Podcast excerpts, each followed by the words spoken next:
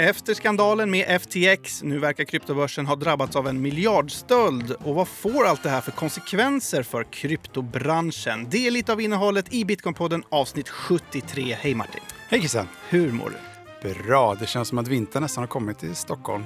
Ja. Det var snö när jag cyklade till jobbet i morse. Och till kryptomarknaden, kanske? Ja, krypt, eller vet du, vinter överallt. Just det, först höst, sen vinter. Det var vad du sa här, förra avsnittet. Du, idag så gästas vi av eh, Sergej Kotliar som är vd på det svenska kryptobolaget Bitrefill. Eh, han har faktiskt varit med förr, så att, eh, ungefär ett år sedan lite drygt. Vad vill du fråga honom den här gången?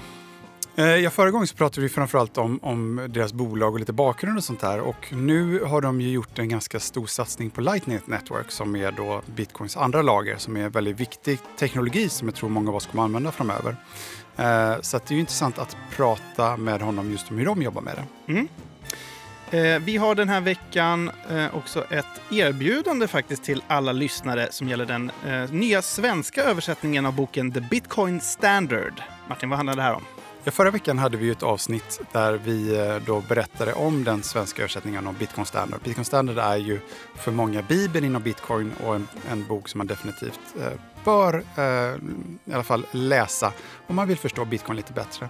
Eh, och jag har väl inofficiellt utsett den till årets julklapp. Mm. Eh, så att vad man kan göra om man går till konsensus.network, konsensus med K, så finns den boken att köpa där och om man skriver in Bitcoinpodden så får man 10 rabatt. Eh, om man dessutom betalar med bitcoin så får man ytterligare 10% rabatt. Mm. Så konsensus.network och sen kampanjkoden Bitcoinpodden helt enkelt. Som vanligt ska vi också säga det att Bitcoinpodden görs i samarbete med den svenska kryptobörsen Trio där man kan köpa och sälja bitcoin, ethereum och litecoin på ett smidigt och säkert sätt. Och i måndags så drog eh, Trio faktiskt igång en eh, ja, tidig får man säga Black Friday-kampanj. Eh, vad handlar den om? Den handlar om att man kan gå in på trio.se och eh, handla det man vill handla där och man har inget courtage. Så att vi tar ingen avgift för själva handeln eller traden som man gör. Just det. Och det är till sista november det gäller. Mm. Och på vilken adress kan man läsa mer om den här kampanjen? Trio.co Black Friday. Nu kör vi igång veckans avsnitt.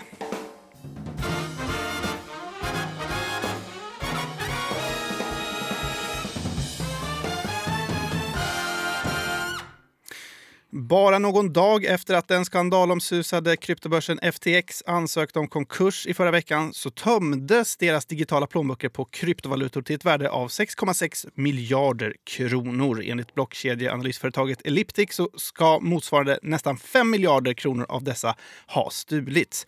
Kryptovalutorna ska sedan ha växlats till bland annat ethereum, något som faktiskt fått då hackaren, eller hackarna, eh, att numera vara den 35 största innehavaren av ethereum. Vad säger du om att eh, FTX efter då allt annat som börsen gått igenom den senaste tiden och som vi pratade om i förra avsnittet eh, nu också verkar ha hackats? Mm, nej, som du säger, det, det, tar aldrig riktigt slut det här. Um, men det, det, är liksom, det känns som att det, det var inte oundvikligt, men man vet ju inte heller vem som ligger bakom den så vitt jag vet. Eh, och det skulle inte förvåna mig heller om det kanske till och med är Sam Bankman-Fried eller någon av deras gäng som har lyckats få ut kapital. Eh, det låter vi vara osagt. Eh, men det, det, är så lite som vi sa förra veckan att det här kommer få ringar på vattnet. Eh, det, det, vi har nog inte sett det sista av, av den här kraschen som har hänt med FTX. Ja, hackaren ska ha använt konton hos kryptobörsen Kraken som nu även säger sig faktiskt känna till användarens identitet. Eh, så vi får se var det här slutar någonstans. Men det faktum då att hackaren ändå lyckades tömma kryptotillgångar från både FTXs ja, globala börs men också deras amerikanska eh, börsbolag på samma gång. Trots att de här två bolagen då eh, är helt skilda eh, av varandra oberoende enheter. Eh, det har då startat spekulationer om att det hela kan då ha genomförts med hjälp av någon på insidan. Alltså ett så kallat inside job. Och du nämnde här att eh, Bankman Fried kan ha varit inblandad. Alltså det vanligaste när, när det är just hack och sådana är att man får tag på någon på insidan. Antingen via någon form av social engineering eller att man har betalat någon helt enkelt. Mm. Så det skulle inte förvåna mig med tanke på hur eh, brottsligt de har agerat redan, eh, de som har drivit FTX. Ja. Um, Och jag vet inte om vi, vi, har ju, vi berättade ganska mycket om det förra veckan, men de, de har ju i princip tagit kunders insatta medel och tradat dem, använt dem för sin egen tradingverksamhet. Mm. Och med största sannolikhet tradat bort allting. Ja. Och de personer du pratar om också har det också kommit ut eh, en del information om. Vet inte om det stämmer eller inte. Det är mycket rykten just nu. Men eh, hela FTX, i alla fall ledningsgruppen, verkar ha drivits som någon slags eh, urspårad ungdomsgård där det tio pers då jobbat och bott tillsammans i någon slags penthouse på Bahamas värt över 400 mm. miljoner. Där de även då ska ha dejtat och haft relationer med varandra. Och Det ska även ha förekommit droger och sömntabletter. Om det här nu stämmer, hur tror du att en sån här kultur kan ha uppstått på FTX och Alameda Research? Alltså för det första, det, kommer nog bli en väldigt bra film av det här tror jag småningom. Jag ger det 12 månader så ligger väl någonting på Netflix om, om det här. Mm. Eh, alltså problemet är när man har starka ledare att det bildas ju oftast en kult kring dem. Eh, och Sam har ju varit lite the darling of eh, mainstream media. Han har ju fått sitta liksom på scener med, med världsledare och han har alltid porträtterats som fram, framtidens liksom, kryptochef ja. och sånt där.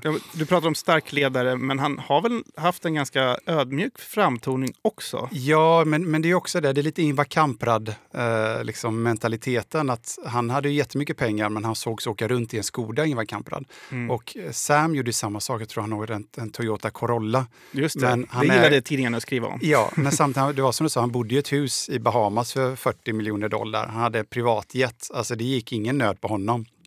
Så att mycket av det där är ju en image. Eh, sen var det ju någonting som var intressant med FTX var att det var en väldigt låg personalstyrka i förhållande på omsättningen som var på börsen. Eh, Coinbase har ju bra mycket mer anställda, men inte så mycket mer tradingvolym.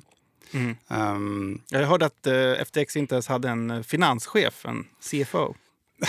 Nej, jag vet inte, jag vet inte vad jag, jag, vet vad jag ska tycka om det. Alltså, de hade ingen styrelse.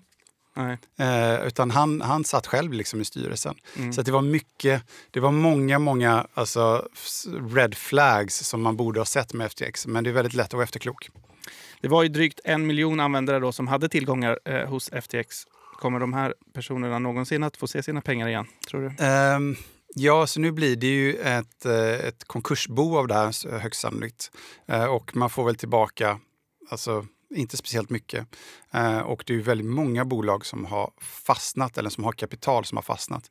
Det har varit en del Twitter-trådar, alltså både från ganska prominenta människor som i princip säger att vi får stänga ner vår verksamhet för att vi hade våra tillgångar på FTX. Även andra människor som jag pratar med i branschen har blivit av med tillgångar. Så mm. det, det, här kommer få väldigt stora ringar på vattnet tror jag. Ja, precis. Vi ska prata om det, för eh, skiten från FTX skvalpar ju även över då på övriga kryptobranschen. Eh, och eh, nu när tidvantet håller på att sjunka tillbaka så undrar ju då säkert många vem eller vilka det är som simmar runt nakna. Andra kryptobörser, eh, fonder, market makers, miners. Det finns ju en risk att många ligger illa till nu, eller hur? Mm. Jag tror Alltså, Bitcoin har haft många kriser genom åren. Uh, du hade ju Mt. Gox till exempel. Uh, många andra hacks. Men det här är ju ett förtroendekris för att du har litat på folk i den här branschen som ska anses vara bra personer, företrädare för branschen. Och så visar det sig att i princip så har de drivit ett pyramidspel med ett kasino byggt ovanpå. Eh, och jag tror framförallt många stora institutionella investerare och reglerare kommer se att nej men, det här, den här branschen är inte bra, vi måste göra någonting. Eller vi vill inte investera i den här branschen.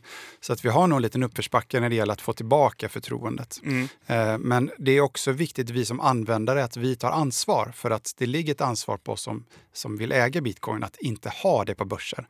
För då är, kan man tillåta människor att agera på det här sättet. Det är därför det är så viktigt att när man väl äger bitcoin, ta ut dem från börserna, kör vad man kallar för self-custody. För det är en av poängen med bitcoin, att du ska inte behöva lita på någon. För när du har bitcoin på en börs så har du inte bitcoin. Du äger en fordran på värdet av dina bitcoin. Mm. Men det gör också möjlighet att skapa fler bitcoin. Och det är det som är problemet. Vi vill ju att det bara ska finnas 21 miljoner. Men när du lämnar det på en börs så finns det möjlighet för eh, börsen att låna ut och skapa mer pappersbitcoin. Och det skulle inte förvåna mig heller om vi hade sett ett mycket, mycket högre pris på bitcoin förra året om exempelvis inte FTX, FTX hade agerat på det sättet de hade gjort. Eh, man skulle till och med kunna gå så långt och säga att de stal bullrunnen från alla bitcoiners. Hårda ord, men... Under förra året? Ja. Du tror att det hade kanske gått, priset hade gått upp till 100 000 dollar? Om... Det, alltså det, det är hypotetiskt, men jag, jag, tror att det var väldigt stort intresse. Men eftersom det fanns mycket pappersbitcoin där ute så tog det bort eh, en del av efterfrågan för den åts upp av eh, luft egentligen, inga riktiga bitcoin. Mm -hmm. Så att eh, ta ut en bitcoin från en exchange. Eh, några konkreta exempel då eh, på eh, fler aktörer som påverkas. Kryptoinvesteringsbanken Genesis Global Trading, deras utlåningsverksamhet stoppade i onsdags tillfälligt inlösen av lån och även nya lån. Eh, verksamheten som heter Genesis Global Capital eh, de erbjuder sina tjänster främst till institutionella aktörer och hade ungefär 2,8 miljarder dollar i totala aktiva lån i slutet av tredje kvartalet i år. Även kryptoutlånaren Salt eh, har pausat sina uttag och i tisdags kom även uppgifter att eh, källor till Wall Street Journal sagt att eh, kryptolåneplattformen BlockFi nu för, förbereder sig eh, för en potentiell konkurs. Vad tror du kommer att hända under den närmaste tiden? Kommer vi få se fler sådana här exempel? Det tror jag absolut. Um, och det här Just Genesis är riktigt illa för de var verkligen störst på det här. Eh, så att när vi pratar om de här ringarna på vattnet så, så vi kommer nog se mycket mer eh, sådana här eh, uttalanden från andra plattformar. Eh, och det som skiljer egentligen den här, vår industri kontra den vanliga finansiella industrin, det är att en riksbank kan alltid gå in och rädda en bank. Det finns vad man kallar för en lender of last resort. Det finns inte här, utan om du har varit oansvarig med kunders medel eh, så kommer du gå i konkurs och alla blir brända. Mm. Um, tyvärr så, så, är det så det ser ut. Och därför är det viktigt att man som bitcoiner faktiskt tar ansvar över sina egna bitcoin. Uh, för man kan inte lita på de här bolagen. De, de, de, hänger ihop för mycket tyvärr. Det här är en av de kanske största sakerna som har skakat kryptomarknaden. Alltså en riktigt stor grej. Ändå är inte bitcoinpriset ner så många tusen dollar. Är, är det liksom ett styrkebesked eller hur ska man tolka det? Alltså jag tror fortfarande att alla har inte kommit ut än. Eh, det är säkert, det kommer bli mer press på priset. Okay. Samtidigt som att det har också skett eh, mycket uttag från börser. Folk har fattat att jag ska inte ha mina bitcoin på börsen, jag tar ut dem. Och det kan också skapa eh, ett, mindre, ett mindre utbud på börserna, vilket också kan driva upp priset. Så det, Free float. Ja, precis. Så mm. det, jag skulle inte förvåna mig om priset fortsätter ner, att vi ser mer bolag som kommer drabbas. Eh, vi pratar ju än en gång om minor capitulation. Eh, den händer i allra högsta grad.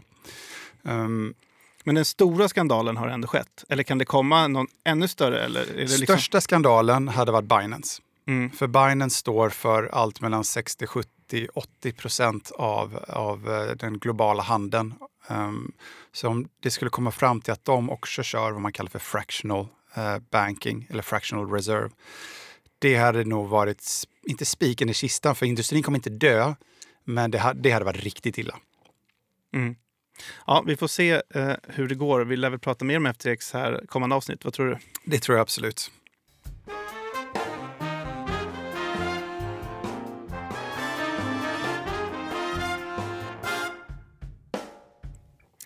Då säger vi välkommen till veckans gäst Sergej Kotliar, vd på det svenska kryptobolaget Bitterfil. Hallå! Hur är läget med dig? Det är fint. Det är fint. Det är andra gången du är med. Du var ju med ja. för lite drygt ett år sedan. Ja. Eh, avsnitt 29. Okay. Nu är det 73, så det går fort. Number go up. Eller hur?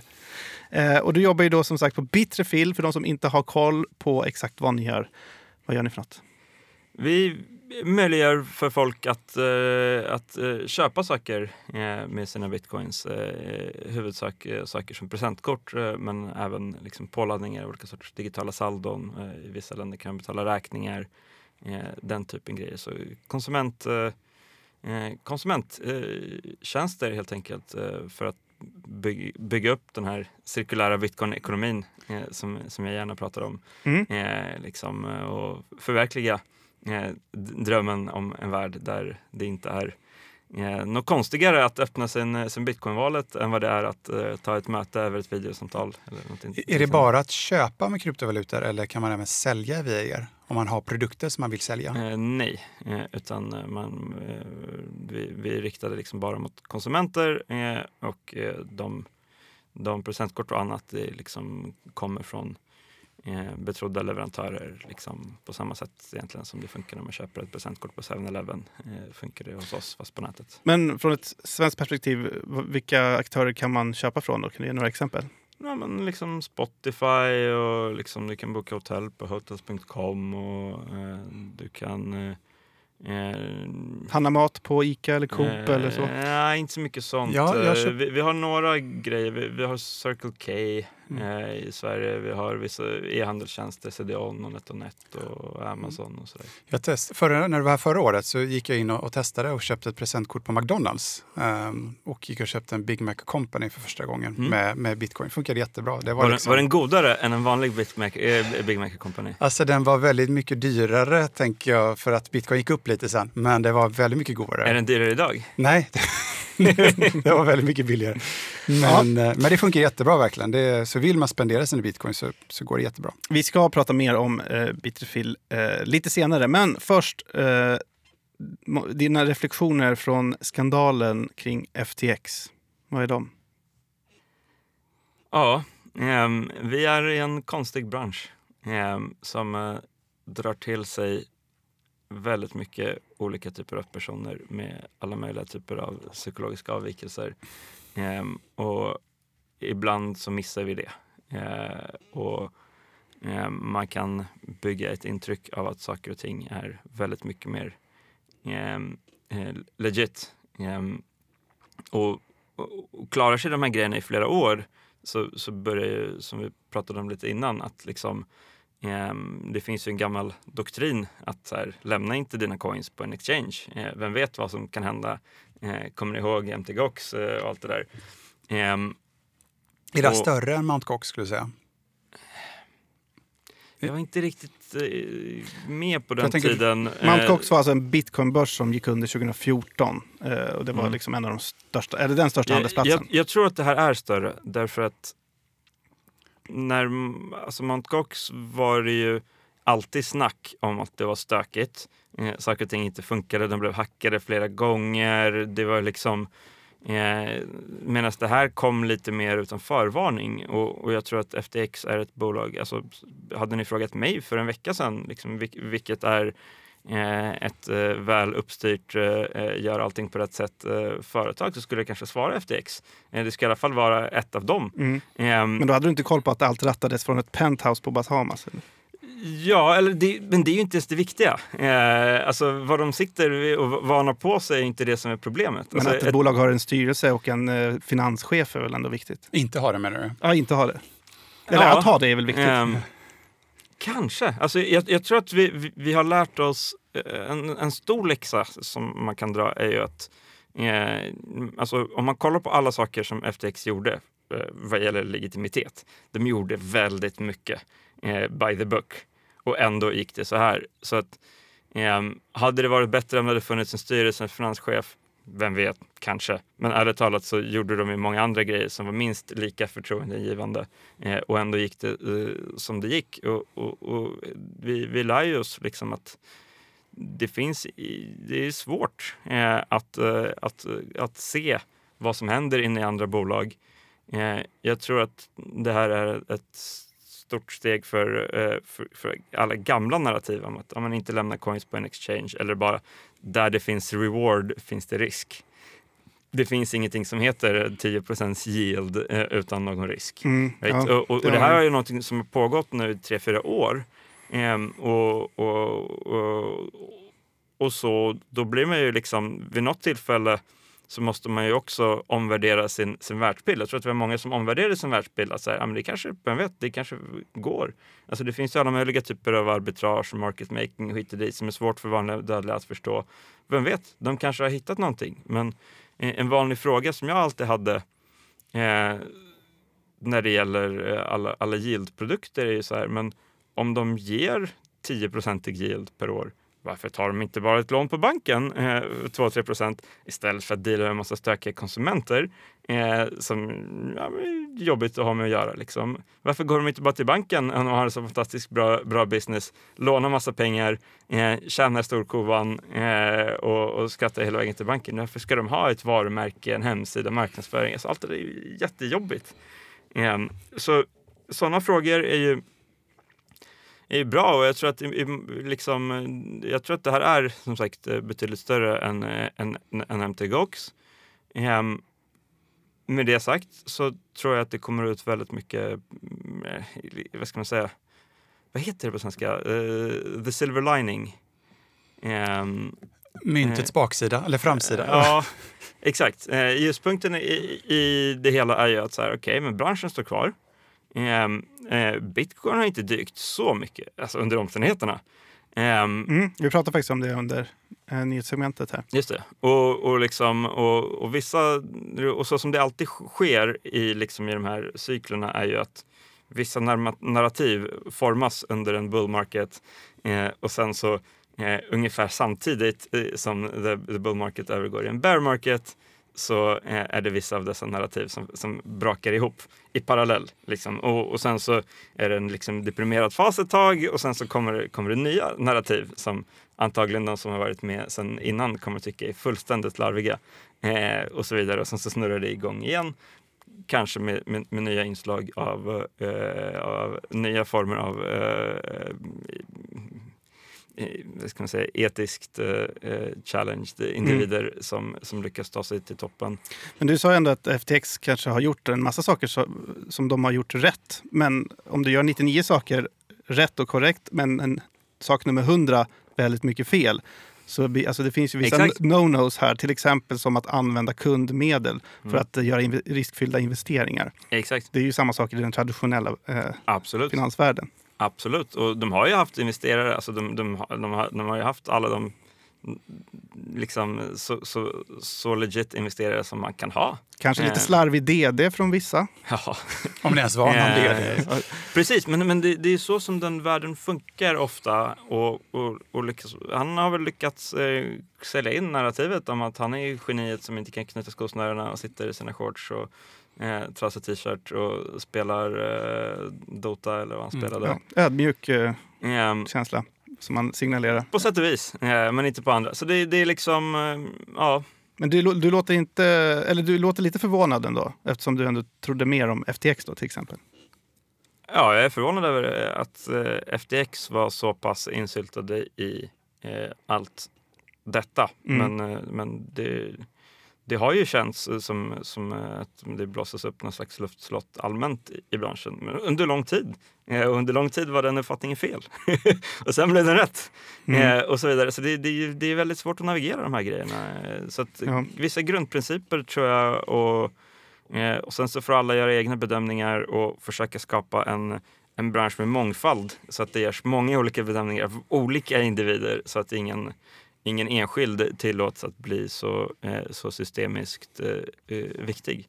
Alltså, och det som händer nu efter det här är ju att ja, men nu är Binance, eh, de var väl det redan innan, men de har väl liksom mer än 50% marknadsandel på liksom allt mm. i vår bransch. Det blir ännu mer centraliserat på ett sätt. Absolut. Eh, och, och, och Binance har ju också inte gjort allt rätt alla gånger. Eh, kanske jag är inte en jurist som kan bedöma det, men det har ju varit stökigt. De har bytt jurisdictions eh, och hit och dit och eh, gav ut en egen token i en tid där det ansågs vara eh, inte bra att göra så.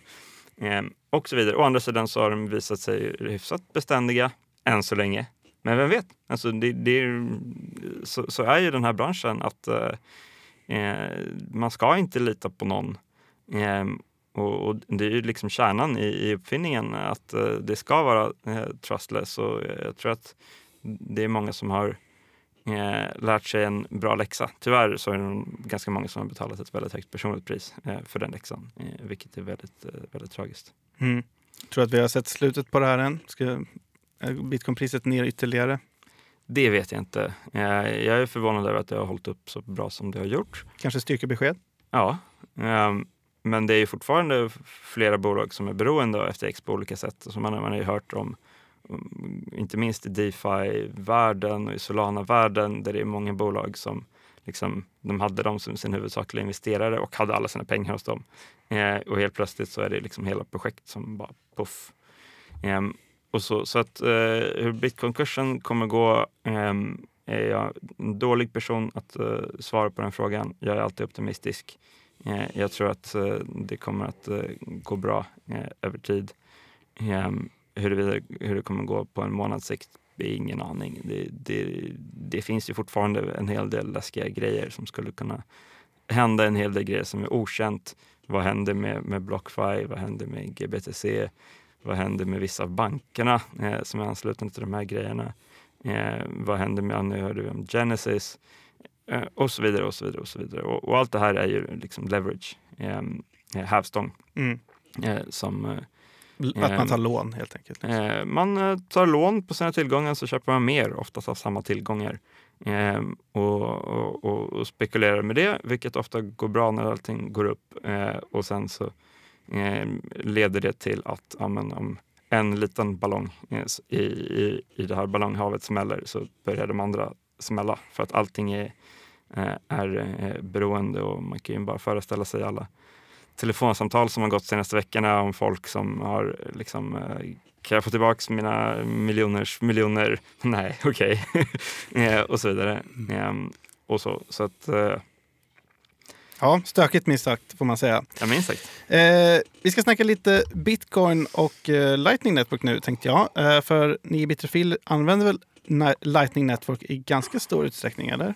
Så stor som det, det går, ja. tror jag. Vi, vi, har nog varit, eh, vi var först ut med att göra det i, i skarpt läge och vi är fortfarande eh, en av de största eh, aktörerna, en av mm, liksom, nummer ett sak som folk köper med, mm. med Lightning eh, och så vidare. Bara eh, för de som inte vet, kan du kort dra vad är Lightning Network?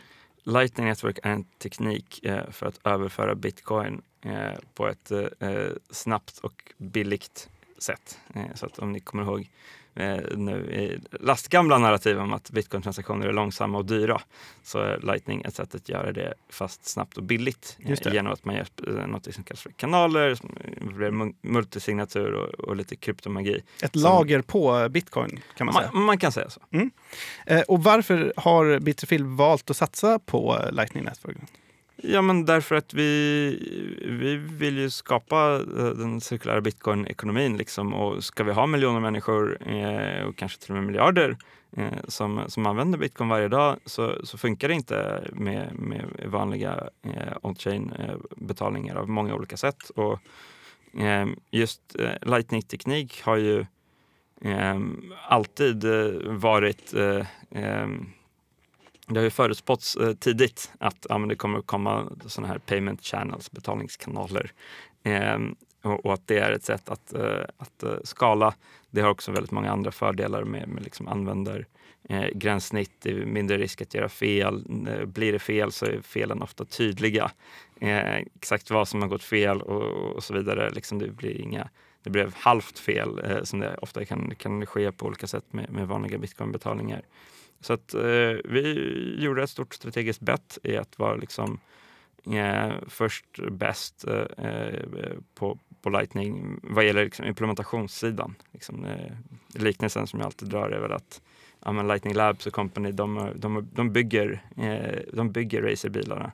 Eh, vi är de som kör dem, vi är de som driver dem, vi är som vet vilka däck mm. man ska ha, vilken soppa man ska ha, hur man kan klämma ut eh, 5% mer performance eh, och så vidare. Och i det hänseendet eh, så är vi nog ledande, i, bland de ledande i världen. Ja, för Bitterfield är ett internationellt globalt bolag. I, i högsta grad. Ja. Hur, hur, svårt var det att komma igång med Lightning? För att, jag menar, alla börjar väl med att liksom komma igång med, med vanliga on-chain betalningar, alltså den vanliga Bitcoin Core-implementeringen. Men ni började ju ändå, eh, för ni måste ju få igång en kanal, ni måste funda kanalen, ni måste ha mycket likviditet och sådana saker. Hur svårt var det att komma igång med det? Inte så ärligt talat. Alltså, ehm, som sagt. Hur gjorde ni kanske? Vi kanske ska börja den här. Hur, när ni vi väl körde började? igång en Lightning-node eh, och publicerade den och så öppnade folk kanaler till oss. Ehm, och vi öppnade väl lite kanaler också. Men, Hur många ehm, kanaler har ni idag ungefär? Oj, eh, det är en väldigt bra fråga. Jag vet inte. Alltså vi, vi, för oss är inte fler bättre nödvändigtvis utan eh, vi har ju många, vi är liksom väl connectade genom stora kanaler med, med relevanta eh, andra eh, hyfsat centralt placerade i nätverket noder.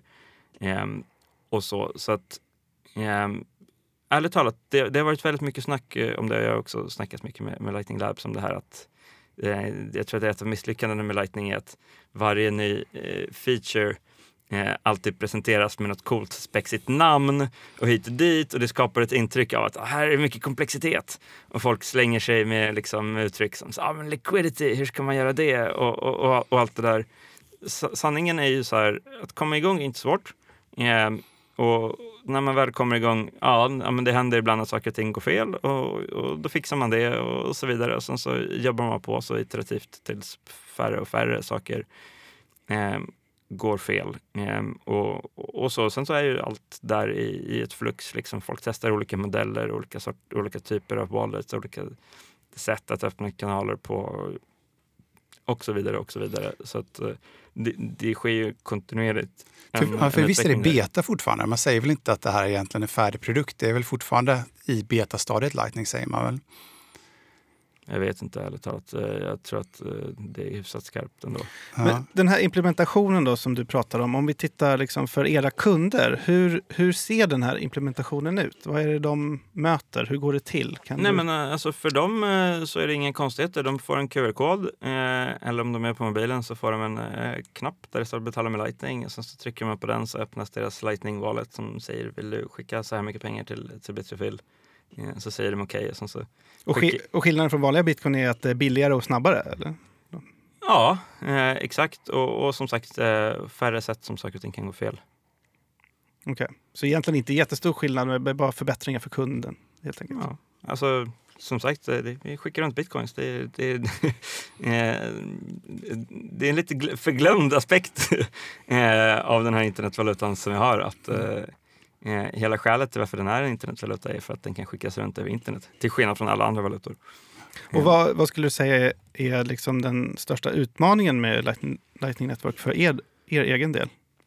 Jag tror att de största utmaningarna är på, på marknadsföringssidan. Eh, och, och, det är därför som, eh, för några år sedan så höll vi på och gjorde mycket liksom, tekniska innovativa lösningar och hit och dit. Eh, och vi fick mycket uppmärksamhet eh, för det, att ah, nu kan vi göra den här balla grejen och så är det liksom teknikentusiaster som tycker att det är häftigt och fan vad kul att Bitterfield är ledande i, i det. Eh, vi gör fortfarande från tid till tid lite sånt, men liksom, handen på hjärtat så tror jag att eh, här, tekniken är inte färdig, eh, men den är absolut bra nog eh, för att eh, liksom växa en storleksordning eh, eller två till och med. Eh, men att få till det är inte, eh, inte alltid så enkelt. Eh, därför att det finns ett onboarding-problem. inte alla wallets stödjer Lightning. Eh, lightning har lite andra modeller eh, i en vanlig bitcoin eller i, för den del krypto-wallet så Eh, är ju liksom mönstret ganska samma. Du har någon slags adress, du kan visa en QR-kod till den adressen, du tar emot till den adressen, du skickar till andra adresser. Allting är väldigt liksom tydligt. Eh, så att det, det, är inte en så enorm skillnad att gå från bitcoin till ethereum eller någonting annat. Eh, Medan med Lightning så är det liksom, du får en invoice eh, som kräver att den andra sidan är online. Eh, du måste ha kanaler, om du inte har det, hur får du till det? Eh, så det är liksom ganska annorlunda eh, UI-mönster, eh, vilket har gjort att det har liksom vuxit fram eh, ett helt gäng olika Lightning Wallets, eh, som, men som ofta in, inte är så väl eh, integrerade med, med, med, med, branschen i övrigt. Eh, så att man, man bygger liksom en helt egen liten cirkulär ekonomi.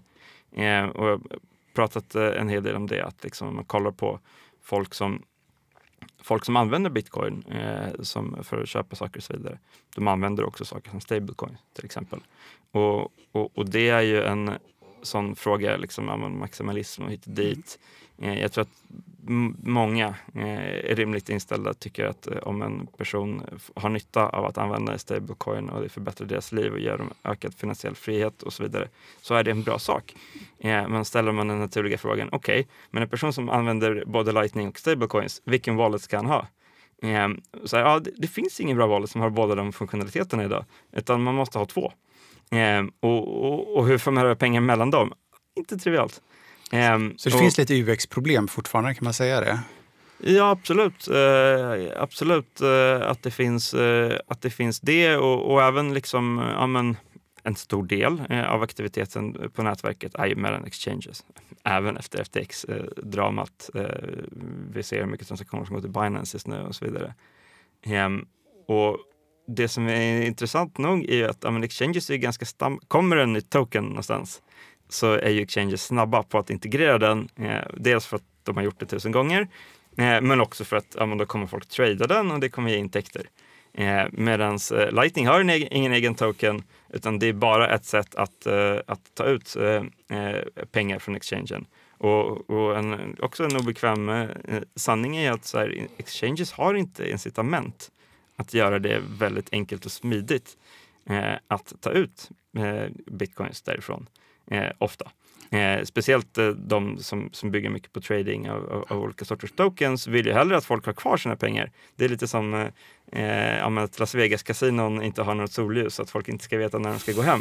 Eh, att liksom, eh, ja men de gör det lite bökigt. Alltså jag, jag bevittnade nu i eh, jag var på en konferens och så var det en eh, snubbe som skulle betala tillbaka 50 euro från sitt Binance-konto och jag fick bevittna, liksom, han höll ju på att klickade runt där i liksom flera minuter. Ehm, och det är liksom mejl som ska gå, tvåfaktorskoder och liknande och stök. Ehm, fick betala en ganska rejäl avgift för, för privilegiet och så vidare.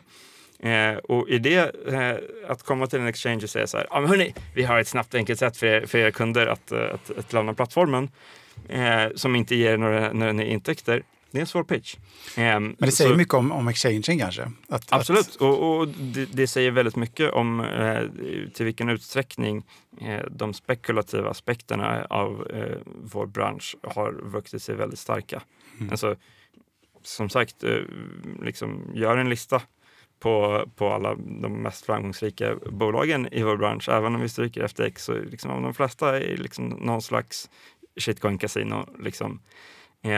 Och, och det är ju tråkigt ehm, för att det blir ju också att det är de som ändå bygger väldigt mycket infrastruktur. Alltså i, i, idag så Binance är en, eh, antagligen den största on-rampen eh, i världen. Eh, och ja, välkommen till, eh, eh, välkommen till bitcoin-världen. Eh, här är vårt kasino. mm. Alltså, det, det blir ju på det, eh, på det sättet eh, ofta och det gör ju också att liksom, eh, jag kan förstå att eh, liksom, folk tycker att så här, ja, det, här är, det här är en bransch som påminner mer om Wall Street Bets eh, än om någon slags eh, eh, visionär teknik för att eh, ge människor eh, större personlig frihet eh, vad gäller deras pengar. Och, eh, så där över landsgränser och allt det där. Mm. Sen har ni eh, en hel del verksamhet i El Salvador också. Eller hur? Ja, Ja, väldigt mycket. Säga. Ehm, eh, ja, väldigt mycket starkt ord, men, men eh, oproportionerligt mycket eh, för, för oss som företag och El Salvador som land, absolut. Ja, vi pratade ju om det förra året också Mm. tror jag. Eh, men vad, hade ni den näst mest nedladdade appen eller det var någonting sånt? Eh, Ja, men det var det hade vi. Eh, det var ju en liksom, kampanj där kanske inte alla lyssnare känner till El Salvador gjorde en sån satsning där de förklarade att bitcoin är nu en nationell valuta i vårt land och alla måste acceptera bitcoin. Och, eh, staten byggde en e-, egen, en egen wallet eh, där man har bitcoin och också dollar. Eh, de byggde upp ett nätverk av bankomater över landet eh, så att man enkelt kan sätta in och ta ut cash. Eh, El Salvador är ju ett eh, land som inte har någon egen valuta utan de använder US-dollar eh, och, och ekonomin är i väldigt stor del kontant. Eh, det vill säga pengar är fysiska sedlar som man har i fickan. Eh, det är liksom utgångspunkten och sen så att eh, det är ett ganska fattigt land i, Centralamerika som är till någonstans 20-30 procent av BNP beroende av att utvandrare skickar tillbaka pengar till sin familj. Så det är ju liksom deras liksom, nummer ett export eh, är, ju, eh, är ju av människor och får tillbaka pengar eh, från dem till sina familjer. Och i det läget så eh, som sagt eh, om, om man vill att bitcoin ska vara en världsvaluta att eh, så kallade remittances, alltså internationella pengaöverföringar, eh, ska vara en relik på samma sätt som långdistanssamtal har blivit en relik eh, så är ju det en, en väldigt bra eh, testmarknad. Liksom, hur kan, kan vi marknadsföra de här grejerna till en målgrupp som är bredare än eh, de vanliga entusiasterna? Liksom. Mm. Ehm, Och då, det handlar om att invånare då eh, tar, tar del av er tjänst och, och köper presentkort för att kunna Precis, eh, köpa så saker där lanserade vi också eh, för första gången för oss att man kan betala räkningar. Eh, så att eh, vi, vi, vi har integrationer så att du kan betala din elräkning, din, ditt internet, gas, vatten, Mm. eh, allt vad du vill. Och, och, och återigen, att betala räkningar i El Salvador eh, för merparten av befolkningen är en process som kräver att man har byxor. Eh, man måste klä på sig kläder, man måste gå till ett speciellt ställe, man måste köa, man måste överlämna gröna papperslappar eh, till en person och få ett kvitto. Okej. Eh, det, det är vad det innebär eh, för de allra flesta att, att betala räkningarna. Men nu eh. möjliggör ni det digitalt då istället? Exakt, eh, nu kan man göra det eh, från sin mobil, klick, klick, klick så, så är det klart. Men är det, är det fortfarande så att man måste köpa ett presentkort för att sen spendera? Nej, det är inget, det är inget presentkort. Nej, jag tänker för att utan- El Salvador ska ju alla bolag per lag måste de ju ta emot bitcoin. De får väl inte neka, sen om det är så i verkligheten eller inte. Men Precis. frågan är, då behöver man inte gå via ett presentkort för att sen spendera presentkortet. Man borde kunna Nej, det, betala direkt. Precis, men de, de betalar ju ganska direkt via oss. Eh, men, eh, men det är ju inte en... Eh, alltså det att alla företag måste... De, de enforcar inte den lagen så starkt. Eh, Okej. eh, vilket du- är en bra sak, eh, handen på hjärtat. Mm. Eh, så i, i praktiken så är det fortfarande många bolag, inte minst eh, som ni kan tänka er, regionalt vattenbolag i El Salvador eh, kanske Ja. inte ligger längst fram Nej. vad gäller Men eh, McDonalds och. Starbucks och sådana bolag har ju integrerat det så vitt jag vet. Exakt, de integrerar ofta med, eh, med liksom bitcoin betaltjänstföretag, Mm. eh, typ OpenNode och Ibex och några andra. Men det har varit laglig betalmedel nu lite drygt ett år. Och hur skulle du säga att utvecklingen går? Börjar det bli mer och mer vanligt eller är det ofta man stöter på att man kommer till en butik eller en affär eller en restaurang och det går inte utan det blir dollar istället? Eh, både och. Eh, jag, jag tror att eh, så som det lanserades också med, med mycket pompa och ståt uppmärksamhet, alla fick 30 dollar för att installera walleten hit och dit, eh, ledde ju till att det sker en spik. Hur mycket Alltså, 30 dollar för en El Salvadorian? Eh, man kollar månadslön. minimum wage är ungefär 300. Eh, så att det är en tiondels månadslön. Det är meningsfullt med pengar. Eh, sen är det ganska många som tjänar mer än så, men, men liksom för, för liksom vanliga arbetare och dylikt. Ehm, så ehm, det var ju väldigt mycket pompa och ståt och inte minst i alla bitcoiners väldigt entusiastiska och nu kommer det här ske över en natt eh, och, och, och så. Eh, världen är inte riktigt så. Saker och ting tar lång tid. Ehm, så att sen så eh, efter att det gick över, eh, liksom folk fick sina gratispengar, eh, gjorde någonting med dem. Sen så hade de inga mer bitcoin, eh, eller några chivo dollar eh, som det kallas.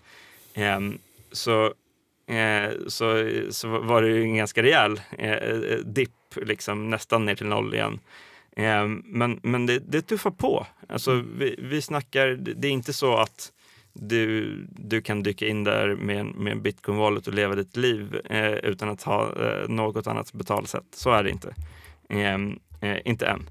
Eh, men eh, det, är en meningsfull andel av befolkningen. Vi- Alltså vi snackar några procent skulle jag gissa, kanske, kanske uppåt fem, Mm. eh, som faktiskt använder bitcoin regelbundet, vilket ärligt talat är väldigt mycket i, i en internationell, eh, liksom, Mm. om man jämför med, med andra länder. Och, och, och det är i högsta grad också människor som, som inte lyssnar på poddar eh, om, om bitcoin, som inte läser om det på sin fritid, eh, som inte Mm. åker till konferenser och deltar, utan, utan vanliga dödliga som eh, jag- fick en 50-lapp av, av, av Jocke här och Mm. nu ska jag köpa en Big Mac. Liksom. Och varför gör de det? Är det för att de inte vill springa runt med kontanter? Eller? Ehm, eh, det är en väldigt bra fråga. Ja, eh, springa runt med kontanter, eh, det är ju bekvämt att kunna betala digitalt. Alltså, det, det finns ju ett skäl till liksom varför kontanter konkurreras ut eh, över stora delar av världen. Eh, det, finns, det är också så att det finns som sagt meningsfulla inflöden av, eh, av pengar från, från utvandrare.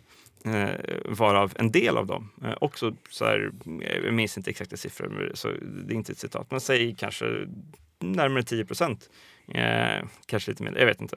Eh, men någonstans där eh, av de pengarna kommer eh, till de här eh, digitala walletarna. Eh, och då har ju folk pengar i dem. Eh, och det första man kan göra är att man kan gå till en bankomat och ta ut dem i cash. Eh, eh, men i, i takt med att bekvämligheten växer så kanske folk är så här, ja, men jag kanske inte behöver eh, ta ut dem i cash. Jag kanske kan handla för dem, jag kanske kan betala mina räkningar. Jag kanske kan det ena och det andra. Och, och, och gradvis växer den här bekvämligheten. Och jag, jag, tror att just i Sverige så har vi ett väldigt bra exempel med Swish. Eh, eh, och, och, som vi kan jämföra med. Eh, och, och, man kan jämföra med var Sverige var när Swish lanserades och hur lång tid det tog. Alltså när Swish lanserades så hade de flesta en smartphone. Alla hade ett bankkonto, alla hade en internetbank. Eh, okay, inte alla, men alla i Swish målgrupp. Eh, vi kan prata om bristerna med Swish också. Men eh, allt det fanns. Ändå tog det ganska många år innan det kom till ett läge där mm, det upplevs som att alla mm. eh, har Swish. Att så här, ja, men jag kan alltid lösa en 50-lapp till dig eh, på Swish. Eh, och ändå idag, var tio drygt eh, eller något år senare, så används Swish ja, peer-to-peer. -peer, och det används typ loppisar Eh, och det börjar lite grann i väldigt liten mm. eh, utsträckning användas i handel. Typ jag har e-handlat med Swish någon mm. gång. Eh, jag har betalat någon gång fysiskt, men, men oftast är det med ett kort. Hur skulle du säga att El, Salvador, El, Salvador, jag kan inte säga det, El Salvadorianer eh, påverkas av bitcoins volatilitet? Hade det inte varit lättare för dem att börsa stablecoins egentligen? Alltså, de allra flesta där eh, använder ju den statliga Chivo-walleten eh, där man kan ha ett saldo i USD. Eh, så, eh, men eh, man kan också växla över till ett bitcoin-saldo och jag tror att de som gör det eh, förstår lite grann att eh, det här är en volatil tillgång och så vidare. Sen så är det såklart att de, de kom in i det här, eh, blev tvingade in i det här i en tid när allting gick upp, eh, vilket eh, antagligen uppmuntrade många att lägga sina sparpengar eh, i, i, det saldot och som har gjort att de har drabbats av, av den här nedgången som, som sker just nu. Utvandrarna skickar alltså pengar i bitcoin till de som bor i Salvador? Nej, alltså- utvandraren betalar oftast uh, med kreditkort uh, på Chivos uh, webbplats uh, i USA eller använder en ATM i, i, USA.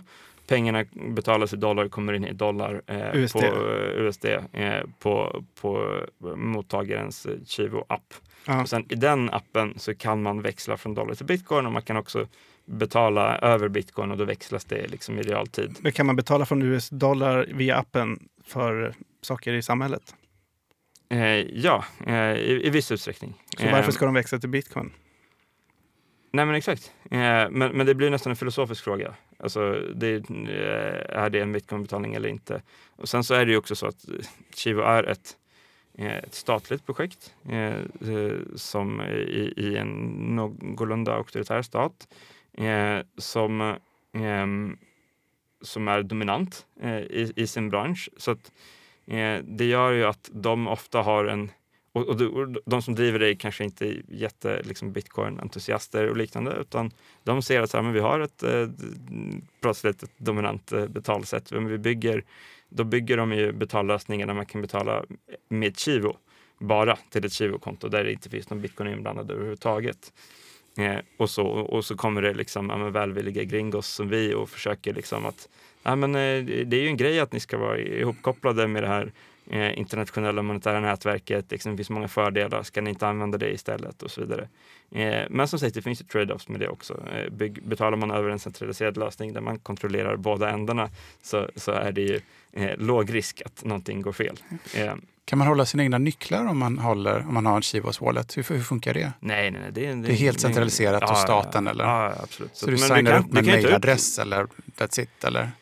Eh, ja, nej, men du måste gå igenom en eh, KYC-process eh, eh, lokalt. Jag minns inte exakt, eh, mm. men du laddar upp ditt, eh, ditt ID. Liksom, så i princip alla bitcoins som finns i en bitcoin-wallet ägs egentligen av staten? Kan man säga så? Eh, I princip alla är ju starkt ord, men... Eh, Eftersom du inte håller dina egna nycklar, det är staten som håller nycklarna till alla alltså de bitcoins som finns i Chivo ägs av staten till 100 procent. Mm. Eh, eh, men det finns ju en hel del bitcoin som inte ägs av Chivo. Mm. Vår bedömning är väl att Chivo har någon slags ma marknadsandel mm. på kanske 60 procent. De behöver ju inte köra Chivo, de kan köra vilken wallet som helst egentligen. Ja, eh, precis. Eh, och, och, det finns folk som gör det och det finns ju folk som Eh, ja, men jag kanske inte ska lita på regeringen eh, med mina pengar. Jag kanske ska lita på, mm. På en amerikansk startup istället. Eh, eller så kanske jag skulle eh, ta en wallet där jag har mina egna nycklar och lita på den. Och det finns ju avvägningar med allt det Det där. ryktades ju om att El Salvador hade sina bitcoin på, hos FTX.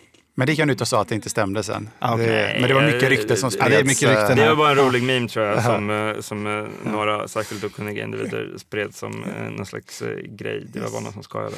Hur ser det ut framåt då för, för Bitrefill El Salvador? Är, det, är planen att integrera ännu mer bolag egentligen till ert vad ska man kalla, ekosystem? Ja, i viss utsträckning. Den stora utmaningen är ju, som jag nämnde med Lightning också, det är ju marknadsföringsfrågorna. Hur når vi ut till eh, de människorna som kan tänkas använda eh, den här typen av saker? Eh, Det är inte alltid trivialt. Eh, Så att vi, vi jobbar och itererar väldigt snabbt eh, vad gäller, eh, vad gäller liksom marknadsföring, vilka, vad är budskapen, vilka kanaler ska vi använda? Ehm, och så vidare och så vidare. Jag skulle säga att vi, vi har nog inte helt knäckt hela nöten och när vi gör det, ja, då kommer liksom Mm. Ja, då kommer det väl bli att vi kör tv-annonser och billboards och, och, och allt vad det begär. Men vi är inte riktigt framme eh, vid det än. Och, och det finns mycket utmaningar och svårigheter i, i, eh, i utmaningar. Som sagt, eh, eh, betänk hur lång tid det tog, tog för, eh, för Swish att komma till där det är i Sverige idag. Eh, och de har börjat för ett år sedan i inte en jätteframstående tekniknation. Eh, många av människor, speciellt de som inte har bankkonton, eh, inte alltid eh, har, eh, har inte alltid bra, eh, bra mobiltelefoner och liknande. De har inte alltid data. Eh, saker går långsamt. Vissa har svårt med, med, med att läsa eh, instruktioner på spanska. Det finns en hel del bitcoin-lingo som man måste lära sig lite grann. Som man kanske glömmer. Men eh, och så vidare. Vissa använder gränssnittsgrejer som att man ska skanna en QR-kod och så vidare. Alltså, det, är mycket av det där som, som ändå tar ett tag. Eh, alltså man är van vid att eh, Ja, men man är van vid att jag tar bussen eh, på andra lördagen i månaden och betalar mina räkningar. Ja, men då, kanske man gör det. Eh, eh, och, och sen så får man pengar från sin, eh, från sin eh, systerson i, i Los Angeles. Eh, så kanske man bara tar ut dem i en bankomat. Så är det inget mer med det. Eh, och så åker man på lördag och, och betalar sina räkningar ändå. Eh, och så vidare. Så att, eh, det är inte trivialt på något Nej. sätt. Och, och, och det är inte ens givet att bitcoin-experimentet i El Salvador kommer att lyckas. Men, men, men det är värt ett försök och, och jag tycker att Alltså om man, om man struntar i all hype, eh, vilket allmänt är en bra eh, inställning i vår bransch, att liksom, det som hypas, eh, ignorera det eh, och, och, och ta en enorm eh, näve salt.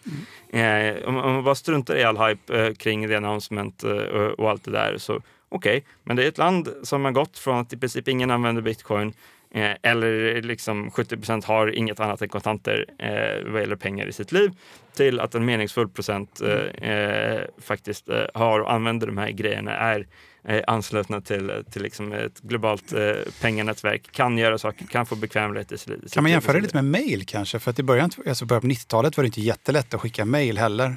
Och du behövde ju en viss eh, nätverkseffekt av att du skulle ha någon du kunde skicka mejlet till också. Absolut. Eh, att det är lite där vi är, att vi är i sin linda och om Absolut. tio år så kanske det här blir som Swish, fast med Kanske. bitcoin. Förhoppningsvis snabbare, men... eh, men, men Snabbare än Swish? Eller, ja du menar snabbare än tio år ja. ja. Det, ja, både och. Eh, alltså de är ju redan jättemycket snabbare än Swish. Alltså Mm. nu börjar det annan tid som de börjar i, men men liksom, eh, alltså de lanserade och fick eh, några miljoner människor att installera den eh, appen på dag ett. Mm. Det gjorde inte Swish. Nej. Eh, det tog ganska många år innan Swish nådde liksom, halva svenska befolkningen. Mm. Eh, så Jag tror hade man gett 10% av en minimilön till svenskarna så hade de nog också gjort det kanske. kanske, absolut. Flera, flera i alla fall. Men, men har ni något samarbete med eh, staten i El Salvador eller Chivo Wallet och så? Nej, nej vi försöker liksom eh, att, eh, att inte ge oss in i det där utan vi, vi, vi håller oss eh, neutralt. Men vi, vi pratar ju med, med Chivo, vi pratar ju med, med, med folk i staten och så vidare. Så vi har haft eh, alltså presidenten retweetade en bild eh, från vår fest eh, på vårt team eh, med en länk till vår karriärsida där vi skrev att vi gärna rekryterar i El Salvador eh, och så vidare. Så att staten försöker ju hjälpa, men Men eh, där har jag lärt mig en väldigt stor läxa i att liksom, det bästa en stat kan göra är att här, säga att de här grejerna är okej. Eh, eh, se till att hör av er om ni behöver någonting, annars håller vi oss utanför. Eh, för det är väldigt lätt att, ja men liksom en sån sak som att typ, ja men ni, ni är startup-personer också, eh, bara sug på det här. Att så här, vi ska lansera en, en, en wallet-app. Vi har aldrig testat den, ingen har sett den i skarpt läge. Eh, om vi testar att eh, eh, skicka ut den till hela befolkningen, 6 miljoner människor, med ett enormt finansiellt incitament som kanske försvinner. Se vad som händer. Alltså, det är inte så, det är inte så man skulle göra eh, en sån grej. Ehm, eh, det tar lite längre tid att nå critical mass, så att säga. Men de, de får ju det direkt. Ja, men så får de massa problem. För mm. att oj, vi upptäckte tusen grejer som var mm. inget bra.